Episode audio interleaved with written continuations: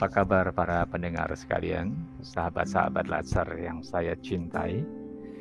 Pada kali ini, episode yang kedua ini, kita akan membicarakan tentang nilai anti korupsi, yaitu kejujuran.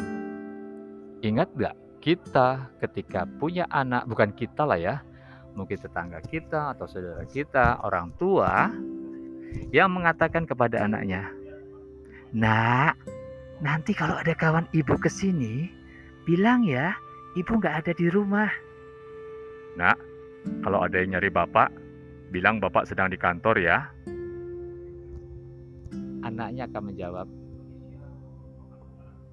ah, bahkan anak yang kreatif akan bertanya, kenapa bu? Ah, nggak usah tanya kenapa, bilang aja, ibu nggak ada di rumah. Kenapa pak? Oh, ngomong nggak ada di, ada di kantor nggak ada di rumah. Mana bapak di rumah? Kamu nggak usah tahu ngomong-ngomong begitu gak usah nanya-nanya bapak. Pernah nggak kita mendengar cerita seperti itu? Atau bahkan mungkin kita sendiri yang melakukannya? Ya tanpa disadari kita sedang menanamkan bibit ketidakjujuran kepada keluarga kita pada anak kita.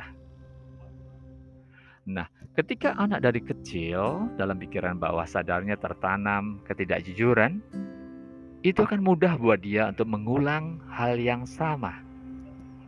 Ah, bapak saya aja ngomong begitu bohong. Bapak di rumah kalau ada tamu malah ngomong di kantor. Berarti bapak bohong. Ibu juga bohong. Kan bisa jadi seperti itu.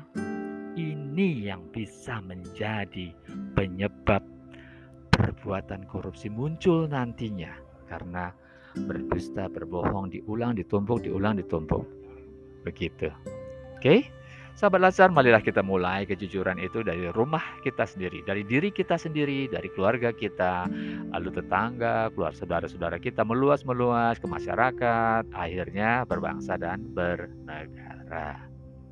Baik demikian episode kali ini dalam nilai-nilai anti korupsi, nilai yang pertama kejujuran. Terima kasih atas perhatiannya.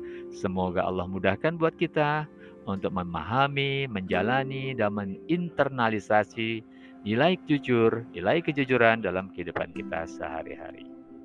Selamat pagi. Assalamualaikum warahmatullahi wabarakatuh.